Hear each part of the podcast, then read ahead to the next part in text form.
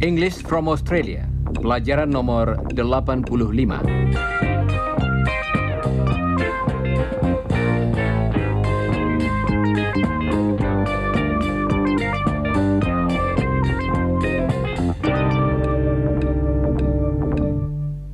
Saudara pendengar, hari ini kita akan mempelajari kata kerja. Kita akan meninjau kembali hal-hal yang sudah kita ketahui. Tetapi, kita juga akan mempelajari beberapa pokok baru. Pertama-tama, coba dengarkan apa yang dikatakan oleh Chris dan Ron, temannya, sementara mereka berjalan ke kampus universitas. Where's Ewan today? He's studying in the library. Is Alex studying too? No, he's having a tutorial. Artinya, dia sedang menghadiri asistensi. Chris memberitahu Ron apa yang sedang dilakukan teman-teman mereka pada saat ini. Saudara tentunya masih ingat, untuk menerangkan hal ini, kita memakai Am, or is, or are. kata-kata tadi merupakan kata kerja pembantu. Dan di belakangnya, kita menambahkan kata yang berakhir dengan ing. Studying. He's studying. Dan untuk waktu lampau, kita mengatakan Ewan was studying yesterday too. Kadang-kadang kita ingin mengajukan pertanyaan singkat dengan memakai kata kerja pembantunya saja. Kita mungkin ingin mengecek keterangan yang telah diberikan seperti berikut. Ewan's studying in the library. Is he? Atau kita dapat juga mengajukan pertanyaan seperti tadi untuk menunjukkan rasa heran atau perasaan lainnya. Coba dengarkan. Some of my friends are learning Indonesian. Are they? Coba dengarkan sebuah contoh lagi. My sister's traveling in Europe at the moment. Is she? Nah, sekarang giliran saudara untuk bertanya seperti tadi. Jangan lupa mengulangi pertanyaan yang betul sesudah Ron. Siap, saudara-saudara? My sister's traveling in Europe at the moment. Is she? She and her friend are enjoying themselves. Are they? Berikut ini latihan yang serupa, tetapi kali ini tentang waktu lampau. Coba ikuti dulu dua contoh ini. Ewan was studying yesterday. Was he? A lot of people were watching the match. Were they? Sekarang giliran saudara untuk berlatih. Jangan lupa mengulangi pertanyaan yang betul sesudah Ron. Siap? Ewan was playing tennis yesterday. Was he? A lot of people were watching the match. Were they? Baiklah. Saudara pendengar, sekarang mari kita meninjau kembali kata kerja pembantu have. Kata ini kita pakai untuk membentuk the present perfect tense. I have read this book. I've read this book. Dan saudara mesti ingat, di belakang he atau she atau it, kita memakai Has. He has finished. He's finished. Sekarang coba saudara ucapkan sesudah Chris. Ewan's been to Melbourne. Helen's visited Greece. Lucia's started her music course. Saudara pendengar, sekarang kita akan berlatih memakai kata kerja pembantu have untuk memberikan tanggapan singkat atas suatu pernyataan. Coba dengarkan apa yang dikatakan Chris dan Ron. I've been to Indonesia. I haven't. Ungkapan tadi adalah singkatan dari I haven't been to Indonesia. Nah, sekarang coba saudara tanggapi pernyataan Chris seperti tadi. Kemudian ulangilah tanggapan yang betul sesudah Ron. Siap? Ewan's been to Melbourne. I haven't. Helen's visited Greece. I haven't. Dan berikut ini tanggapan positif atas pernyataan negatif.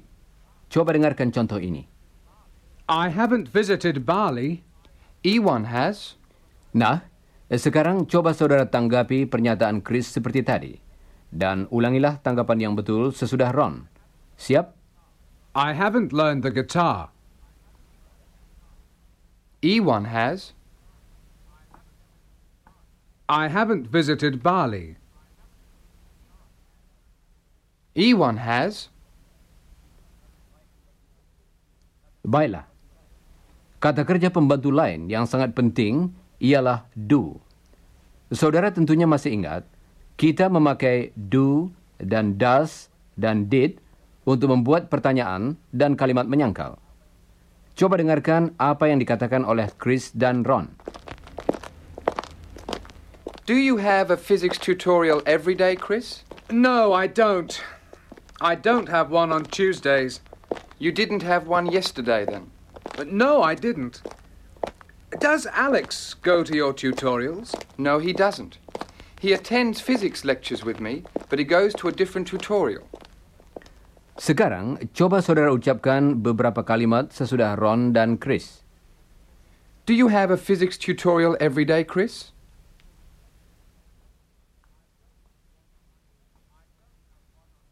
I don't have one on Tuesdays. He didn't have one yesterday. Baiklah. Saudara pendengar, sekarang mari kita berlatih memberi tanggapan yang berbentuk pertanyaan singkat dengan arti really dan hanya memakai kata kerja pembantu do atau does atau did saja. Coba ikuti dulu contoh berikut. I like cricket. Do you? Dan contoh kedua, coba dengarkan. Ewan plays the guitar very well. Does he?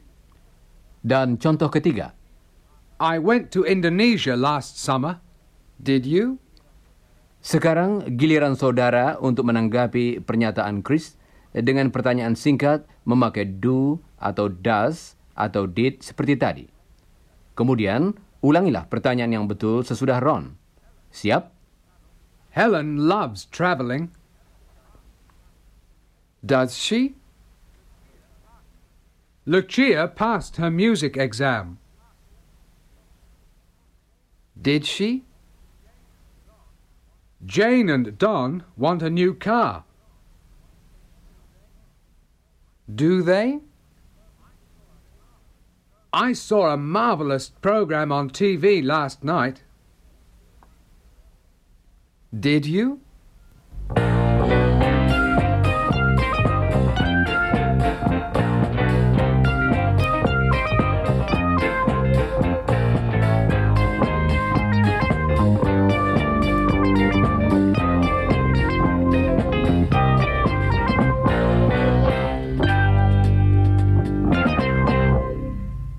Saudara pendengar, berikut ini beberapa kata kerja pembantu lain yang sudah kita ketahui. Coba dengarkan. can, must, will, may, might. Sekarang, coba dengarkan kata-kata tadi dipakai dalam kalimat. Can you help me? I must hurry. I will be late. I'll be late. It may rain. The washing might get wet. Sekarang, mari kita mendengarkan percakapan antara Iwan dan Mrs. Scott. Iwan sedang mencari Chris. the dresses they will wear tonight. Excuse me, Mrs. Scott. Can you tell me where Chris is? Just a minute. I'll turn the radio down. He may be in the garden. No, he isn't. I've looked there. He might be in his room. Have you looked there? Yes, I have. Perhaps he's out with Mr. Scott. Yes. He might have gone with Bert. I'll phone Bert's office. Uh, don't worry, Mrs. Scott. I must go. I'll be late for a lecture if I don't hurry. Well, I'll tell Chris you were looking for him. You mustn't miss your lecture.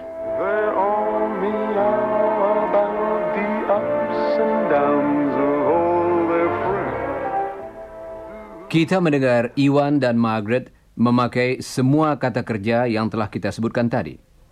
Sekarang, coba saudara ucapkan kalimat-kalimat berikut sesudah Margaret. Ewan can't find Chris. Chris may be in the garden. He might be studying. Ewan must hurry. He mustn't be late for his lecture. Baiklah. Sekarang, mari kita mendengarkan percakapan lain antara Iwan dan Margaret. Dalam percakapan ini, mereka memakai kata kerja pembantu dalam tanggapan yang berbentuk pertanyaan singkat untuk memperlancar jalannya percakapan tersebut. I must go. Must you? Yes, I'll be late if I don't hurry. Will you? By the way, Geraldine phoned. She can't go with you to the cinema tonight. Can't she? I'll ask Chris then. He might like to come. Yes, he might. Nah, sekarang giliran saudara untuk berlatih memakai kata-kata tadi dalam pertanyaan singkat untuk menanggapi ucapan seseorang. Coba ikuti dulu contoh berikut. I must go. Must you?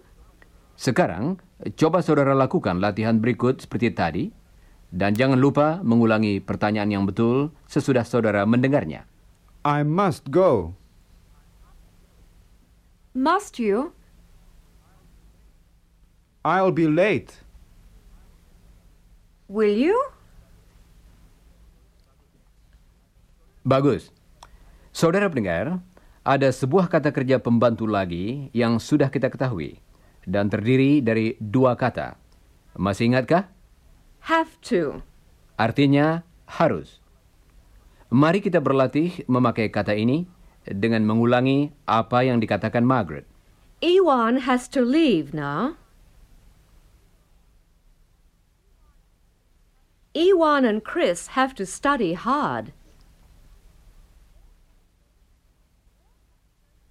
Bert has to go to the city tomorrow.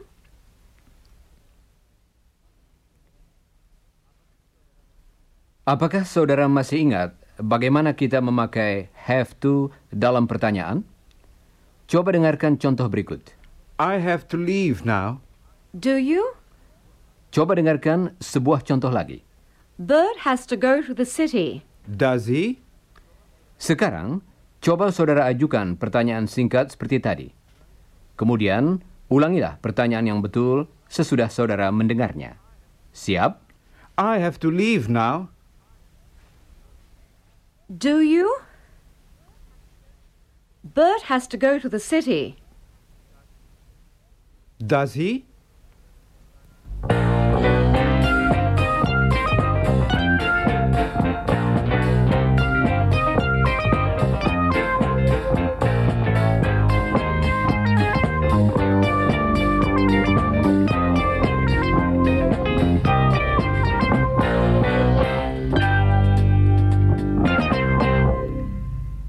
Saudara pendengar, dalam bagian terakhir tadi, kita berlatih memakai have to. Bentuk menyangkalnya ialah Don't have to. Doesn't have to. sekarang coba saudara ucapkan beberapa kalimat menyangkal sesudah Chris. I don't have to go to the bank. Mum doesn't have to buy any coffee.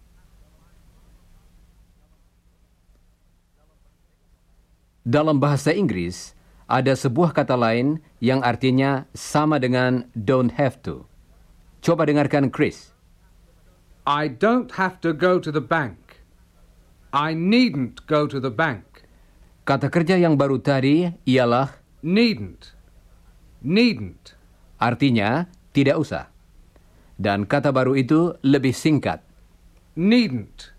Don't have to. Coba dengarkan sebuah contoh lagi dengan kedua kata kerja tadi. Ewan doesn't have to hurry. Ewan needn't hurry. Perhatikanlah, kata needn't eh, tidak diikuti oleh kata to. Ewan needn't hurry. Coba ucapkan sesudah Chris. Iwan needn't hurry. Sekarang, coba ucapkan sebuah contoh lagi sesudah Chris. She needn't buy any coffee. Berhati-hatilah dengan ucapan kata kerja baru ini. Coba dengarkan bunyi hidup yang panjang dalam suku kata pertama. Needn't. Needn't. Coba ucapkan sesudah Chris. Needn't. Bandingkanlah ucapan tadi dengan ucapan kata didn't yang mengandung bunyi hidup pendek. Chris akan mengucapkan kedua kata kerja tadi. Coba dengarkan dan ulangilah. Needn't. Didn't. Mari kita melatih ucapan kedua kata tadi dalam kalimat. Ulangilah apa yang dikatakan Chris. I didn't go.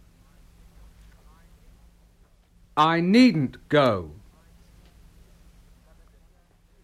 Kata kerja needn't sama bentuknya walaupun dipakai di belakang kata ganti yang berbeda-beda. I needn't. He needn't. She needn't. We needn't. Sekarang, mari kita berlatih mengganti don't have to dengan needn't. Coba dengarkan dulu contoh berikut. They don't have to go. They needn't go. Sekarang, coba saudara lakukan latihan berikut seperti tadi. Dan ulangilah kalimat yang betul sesudah Chris. Siap? They don't have to go. They needn't go. She doesn't have to attend the lecture. She needn't attend the lecture. We don't have to fill the form in. We needn't fill the form in. Baiklah, saudara pendengar.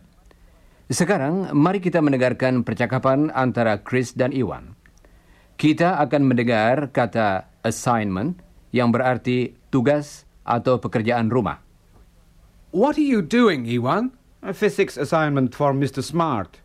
But, Iwan, you needn't do it yet.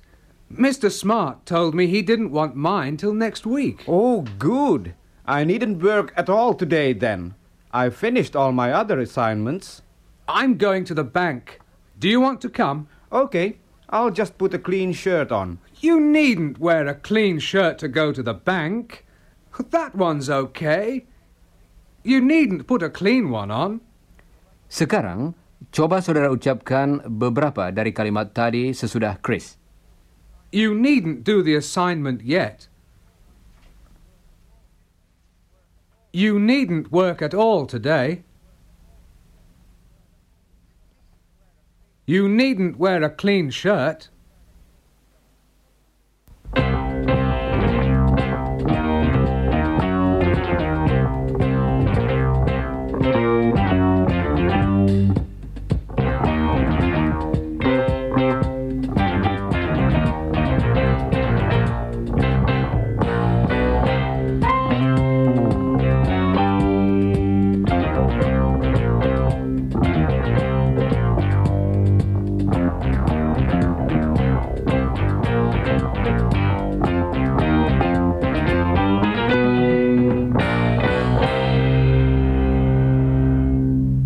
Saudara pendengar, dalam salah satu pelajaran yang lalu, kita berlatih memakai kata kerja pembantu must dalam kalimat seperti misalnya, I must leave at eight.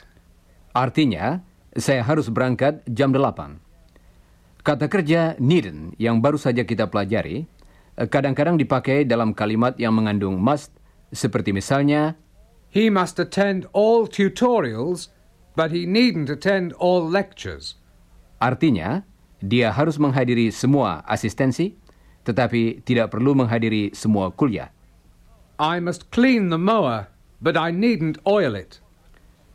Coba ucapkan kalimat tadi bagian demi bagian sesudah Chris. I must clean it, but I needn't oil it. Sekarang coba ulangi kalimat seluruhnya. I must clean it, but I needn't oil it. Sekarang, coba dengarkan apa yang dikatakan Chris dan Iwan. Mereka akan mengatakan beberapa hal yang harus dilakukan oleh para mahasiswa Australia dan beberapa hal lain yang tidak usah mereka lakukan kalau tidak mau. They must attend all tutorials. They needn't attend all lectures. They must belong to the Students' Union. Artinya, mereka harus menjadi anggota organisasi mahasiswa. They needn't join any other clubs. Artinya, mereka tidak usah menjadi anggota perkumpulan lain. They must work hard enough to pass. They needn't study every day. They must pass their exams. They needn't buy all the reference books. Artinya, mereka tidak usah membeli semua buku referensi. Sekarang, coba saudara ucapkan kalimat-kalimat tadi sesudah Chris dan Iwan. They must attend all tutorials. They needn't attend all lectures. They must belong to the Students' Union. They needn't join any other clubs. They must work hard. They needn't study every day. They must pass their exams. They needn't buy all the reference books.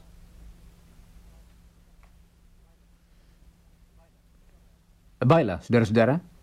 Sekarang, Chris dan Iwan akan mengulangi kalimat-kalimat tadi.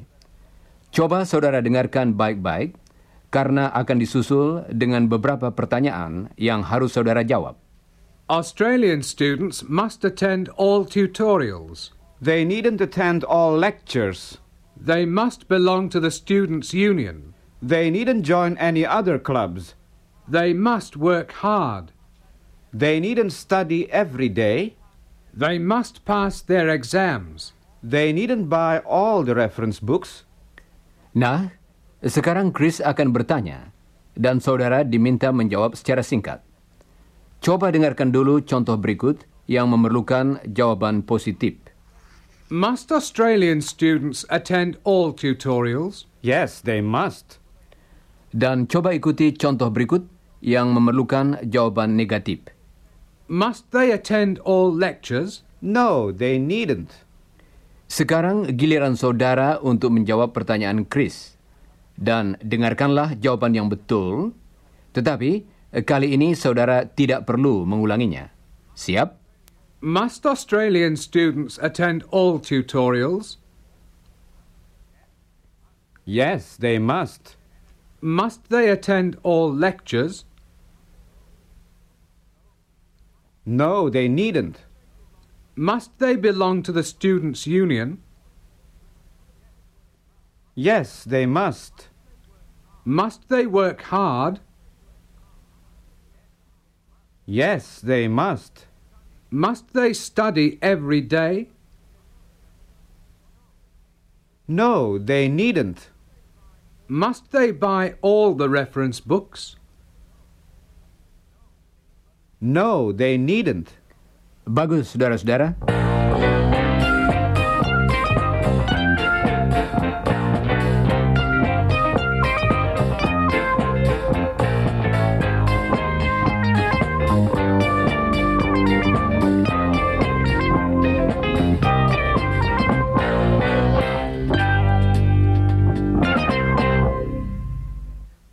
Saudara pendengar, Chris telah merencanakan suatu jamuan makan malam bagi orang tuanya yang disiapkan tanpa mereka ketahui. Saat ini, Chris bersama Iwan ada di dapur menyiapkan makanan. Chris harus memasukkan sop ke dalam alat pencampur. First, the soup. Hmm. The recipe book says that I must put it in the blender. Will you switch the blender on, please, Ewan? Sure. Good.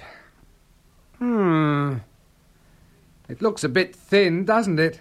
You might have had the blender on too long. Oh, well, I like thin soup. Now, I must cut this chicken up. Can I make the salad? I can make gado gado. Can you? Great. Hi, Ron. Hi, Ron. Hi. What are you doing? We're preparing a surprise dinner for Mum and Dad. Are you? I didn't know you could cook. Didn't you? Well, as a matter of fact, I can't. Actually, I like cooking. Do you? Perhaps you can help us then. Everything's in a bit of a mess here at the moment. Well, first of all, you needn't cut the chicken up so small. Larger pieces are better. Then you must put some tomatoes and capsicums in with it. Do I have to use butter or oil? I think oil's better, but you needn't use much. I'll do it for you. While you're doing that, I'll clean the kitchen up a bit before Mum comes home. I'll put everything here and then I'll wash up.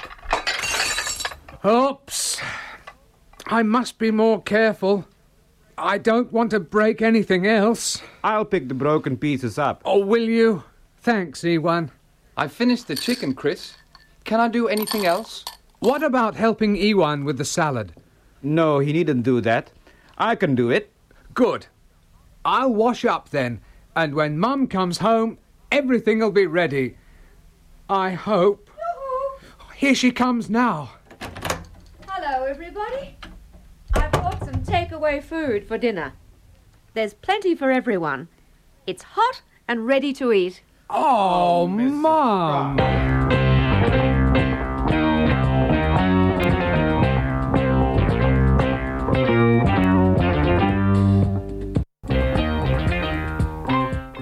Saudara pendengar, cukup sekian pelajaran kita untuk hari ini. Jangan lupa mengerjakan latihan untuk pelajaran tadi dan bacalah juga part 1 dari pelajaran nomor 86. Dan sekarang, goodbye listeners.